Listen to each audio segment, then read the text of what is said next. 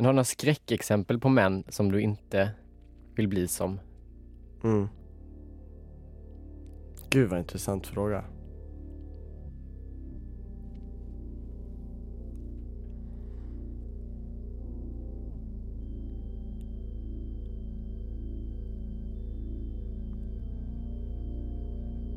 Jag, har ing- jag kommer inte på något namn. Om du bygger upp en... eh, Men jag vill inte fastna sådär. Alltså, Mm. det ser man ju ibland. Jag tänker bara på den här reklamen. Jag vet inte om man får prata om reklam, men att det, det finns en, för en adressändringsverksamhet.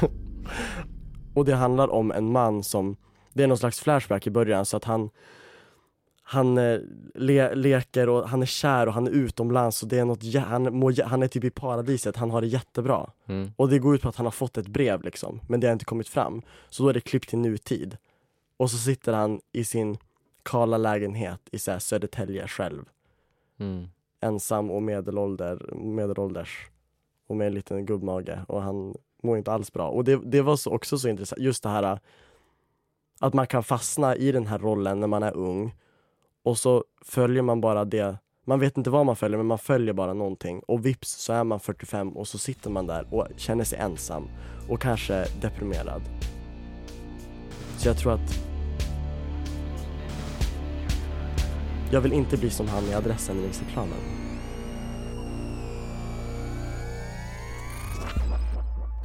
Hallå, du lyssnar på mitt avsnitt av Fatta mans stafettpodd Det börjar med mig. Jag heter Hampus Nessvold och i det här avsnittet är det jag som intervjuar och ställer frågorna. Och Fatta man, det är ett projekt för att få män och killar att engagera sig i arbetet mot destruktiva manlighetsnormer och sexuellt våld. Hur bra som helst. Och så här funkar den här podden. Idag intervjuar jag min fantastiska gäst William Spets och i nästa avsnitt kommer William att i sin tur intervjua någon annan. Och eftersom jag har William här som är min bästa vän så har jag valt temat vänskap. Vad betyder det för dig William? Åh, vilken fin presentation. Alltså vad betyder vänskap för dig? för att jag förlåt. presenterar jag blev lite jättefint. distraherad. Eh, vänskap för dig. Vänskap för mig är när man kan bara umgås utan att man spänner sig. Eller så här, att man, man umgås med en annan människa utan att det är, finns en ansträngning där.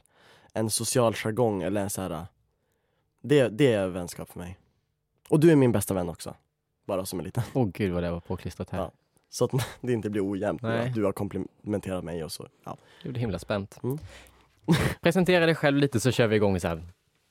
Gud, jag hatar den här frågan. Jag hatar det blir så prestationsfyllt. Men ja, jag heter William och jag är 19 år. Jag tog studenten i Umeå i våras. Jag älskar skådespeleri och det är också därför jag bor i Stockholm nu för att jag har flyttat ner från Umeå för jag vill satsa på, på teater och skådespeleri och sånt där. Det var ändå ganska kort. Det var jättebra. Det Du fick med jättemycket. Mm. Hur är det att vara vän med killar och män för dig? Jag har inte, jag ska vara ärlig och säga att jag har inte jättemycket erfarenhet av just det. Jag har som alltid, mina närmsta kompisar har alltid varit tjejkompisar genom hela mitt liv. Och när jag var mindre så tyckte jag det var på ett sätt undermedvetet jobbigt. Jag ville ju ha tjejkompisar och de var nära mig men jag hade alltid en liten, du vet att det var lite sådär äh, Fan borde inte jag ha fler killkompisar än vad jag har? Och jag minns att jag tänkte det framförallt i mellanstadiet. Och det fortsatte liksom i högstadiet och jag minns att när jag kom hem och typ såhär äh, till pappa till exempel och så hade jag med mig en ny tjejkompis. Då var det någonting i mig som var så här äh, fan jag borde ta hem någon killkompis också. Så att det blir lite jämnare. Inte att jag bara vill ha killkompisar, men jag hade någon röst att ja, men jag måste ha någon slags jag måste ha någon slags könsbalans i min vänskapskrets. Mm. Eh, men sen släppte jag det när jag hade börjat gymnasiet helt och hållet. Så, men, men det är så intressant att du ställer den frågan för jag tror du Vi lärde känna känna varandra för vad det, tre år sedan typ. Och Mm. jag tror du är den första riktigt nära killkompisen jag haft. När det kommer till att man kan prata om känslor, om tankar på ett sätt, alltså jag har inte haft det riktigt med en kille. Jag har haft det men inte med en kille. Men vad är det som har gjort att du har kunnat närma dig tjejer mycket enklare än vad du har kunnat göra med killar? Men de har en tendens att, jag vet inte, det är någonting som är mer avväpnande med tjejer. De har lättare för att vara öppna med det känns som att de på något sätt har närmare till sig själv. Och det tar ju fram den egenskapen hos en själv också. De har närmare till, till eh, att prata om svåra saker och de har lättare till att visa sig sårbara. De har lättare till att någonstans vara sig själv tror jag. jag när, jag var min, när jag gick, om vi säger låg mellanstadiet, då var det jämnare. Då hade jag mycket kill och tjejkompisar. Men när man kom upp till den här åldern då man slutade leka, Mm då fick jag fler tjejkompisar. Förstår du? Mm. Att när man var i lekparken och liksom, liksom så här, lekte kurragömma med dunk, då var det väldigt, då spelade det ingen roll. För då, lek är lek liksom. Men när det kom till, när man växte upp och det blev någonstans, någonstans att den så intellektuella vänskapen spelade mer roll. Då var det som att killarna föll bort på något sätt. Allt eftersom. På grund av den här jargongen att det var lite svårare och Jag tror det. Det var svårare att få en, en intim kontakt. Men vill du ha den ganska tidigt då? För att lek och det kan ju följa med i alla fall killar ganska långt upp i Mm. åldrarna. Det känns som att det är det som gör att de inte vill. Nej men jag tror runt högstadiet liksom att det, det började förändras. Mm. Men Men hur är det idag då om du ska närma dig liksom män och killar är svårare idag? Nej, det har någonstans blivit lite lättare nu. Jag tror att det var som svårast när, jag, när man var i det här jag ska hitta mig själv och du vet man gick början av gymnasiet liksom. Man, man hade liksom inte alla sina egna kort på sitt eget bord. Mm. Men nu känns det någonstans som att jag har landat i det och då är det också lättare att ha kontakt med liksom både nya, nya människor, män och kvinnor och allt det här. Men jag tror att jag tror absolut fortfarande att jag har lättare för att bli nära med tjejer och kvinnor än Vad betyder det för dig att vara man? Jag har tänkt på en sak. Jag, jag tycker det är så konstigt att säga att jag är en man. Jag tycker... Jag, jag, det känns som mer rätt att säga att jag är en kille. Mm. För att det känns som att man, det är ett sånt laddat ord när det kommer till dels förväntningar på vad, vad det är för någonting. Men också att det är något som är så, så här bustigt. Jag vet inte om det är ett korrekt begrepp. Med ordet man. Mm, jag fattar vad du menar. Så att jag, vad det betyder. Jag minns att jag hade någon sån där, ni vet när man, när man sover på nätterna och så kan man vakna av en dröm. Och så skriver man ner det på mobilen för att man vill komma ihåg någonting. Jag hittade en sån anteckning för ett tag sedan och då var det så här 14 augusti, för det var typ för något år sedan. Här 02.48 och så stod det bara så här. Snart är jag en man. och jag vet inte vad det betyder. Det var jätteintressant. att Du läsa. drömde någonting som påpekar att snart är du man. Ja, och, och, jag, och jag minns att det var någonting som var så starkt liksom. Så jag, ändå att jag vaknade och att jag var tvungen att säga det här måste jag skriva ner. Snart är det dags liksom. Ja, vad tänker du att när det här, snart är jag man, vad tänker du att det innebär? Jag vet jag kommer inte ihåg, jag har så dåligt minne. Jag har inte kommit ihåg den här drömmen. Jag skulle gärna komma ihåg den. Men du tänker nu, vad tänker du att, att bli man innebär, gå från kille till man? Jag tror att det är två olika saker, vad, det, vad förväntningen är och vad det faktiskt är. Mm. Jag tror att förväntningen är att då har jag det här i huvudet att det, det är någon slags tuffhet. Man liksom. Mm. Men vad som innebär att vara en man, det tror jag är så här. äh, Att bli pappa, typ. Förstår du? Mm. Att det är nå- något, något som händer som gör att man växer upp på något sätt. Då blir man en man. Men hur var det när du upptäckte att du hade könet kille då liksom? Att du hade den könsrollen eller att du var skulle vara så? Jag har aldrig identifierat mig så starkt med just den könsrollen. Jag har alltid liksom Det var som sagt, jag har levt lite att jag har försökt kompensera, balansera upp Mm.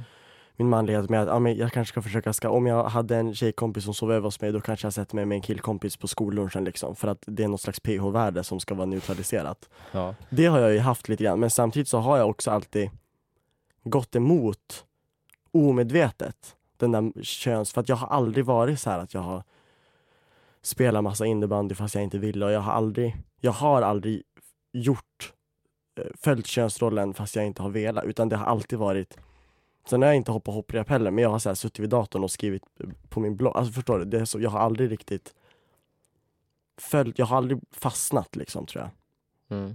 vilket jag är jätteglad för. Och jag tror att det är lätt att fastna jag när jag går i skolan, då är det också lätt att jag blir kvar där. Alltså hade jag, hade jag gått in i den där könsrollen, då hade jag säkert stannat kvar där. För det blir också en trygghet. Nu råkade något annat bli min trygghet och det är jag glad för, men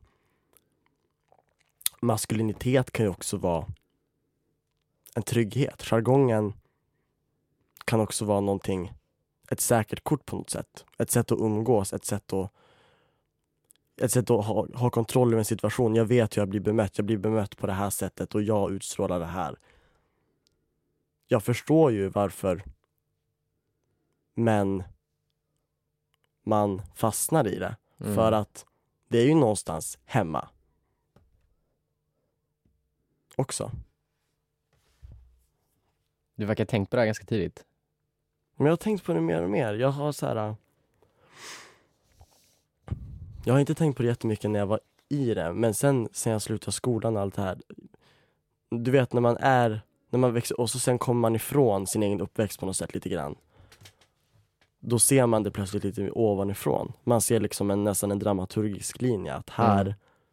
Här var det ganska jobbigt fast jag inte tänkte på det. Och här blev det lättare. Att man ser liksom ett, en, ett mönster liksom. Så jag tror att jag, jag börjar se det mer och mer och det är jätteintressant. Mm.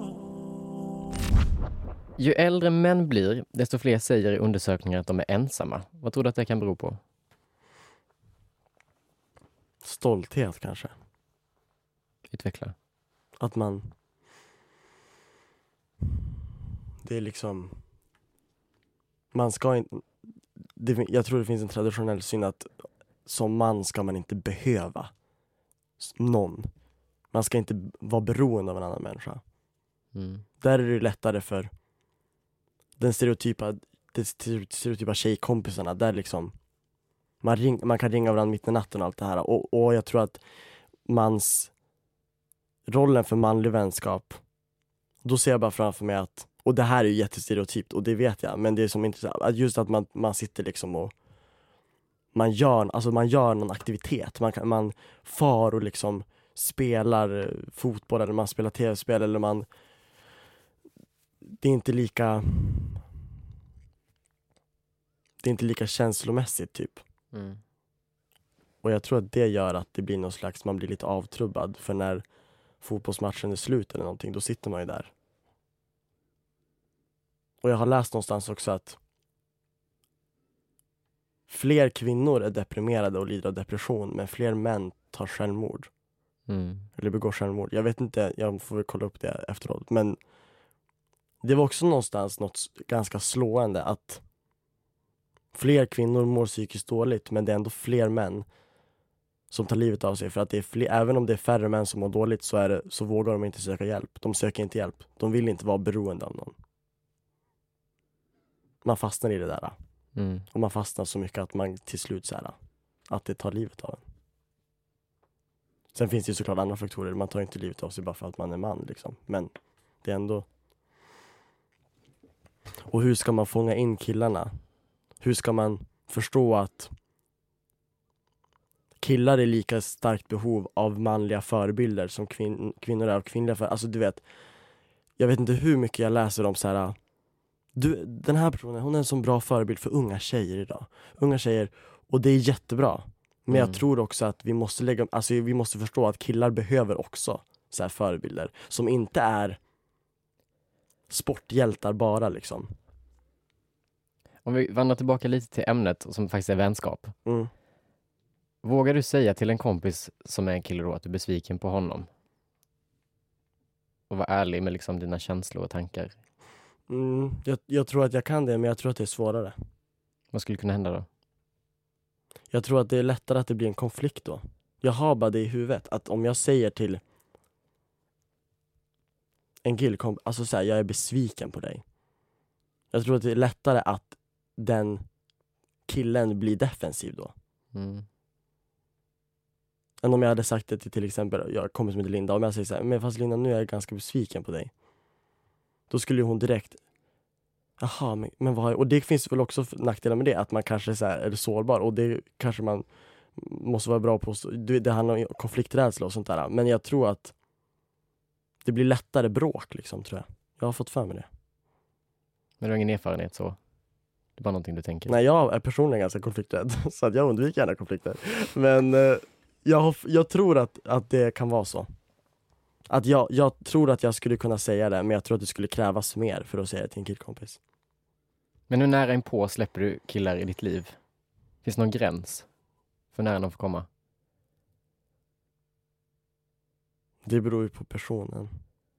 Men om man pratar generellt så är ju det är ju du Hampus och min pappa som är så här, mig riktigt nära. De männen som är, ligger väldigt nära mitt hjärta. Men annars är det liksom det är tjejkompisar och det är mamma och det är liksom min Mm. syster och sånt där. Men nej, jag tror att tycker jag väl om någon och är jag god vän med någon då spelar det faktiskt ingen roll om det är en man eller kvinna utan då får de vara så nära de kommer. Tack så hemskt mycket för att du vill vara min gäst William. Tack så mycket. Nu ska du ta över stafettpinnen och intervjua Mange Hellberg. Hur känns det? Det känns bra att få hålla käften lite nu och faktiskt lyssna på någon annan. Mm. Det känns jätteintressant. Jag har en fråga som du ska fråga Mange från mig. Mm. Fast du får inte säga att det är från mig. Det ska vara liksom... Okej. Du ska fråga honom vad hans största rädsla är. Vad är han mest rädd för? Mm. Ja, det ska jag. Tack för att ni har lyssnat och med det här avslutar vi podcasten för den här gången. Glöm inte att kolla in alla andra avsnitt och läsa mer på fatta.nu. Hej då! Hej då! Du har lyssnat på Fattamans stafettpodd Det börjar med mig. Fattaman är ett projekt som med stöd av Allmänna arvsfonden arbetar mot destruktiva maskulinitetsnormer och sexuellt våld. Syftet med podden är att skapa mötesplatser mellan män och ge dem möjligheten att få uttrycka sig utanför den manliga boxen. Innehållet i podden behöver därför inte vara i linje med Fattamans perspektiv. Läs mer på fatta.nu. Tack för att ni har lyssnat.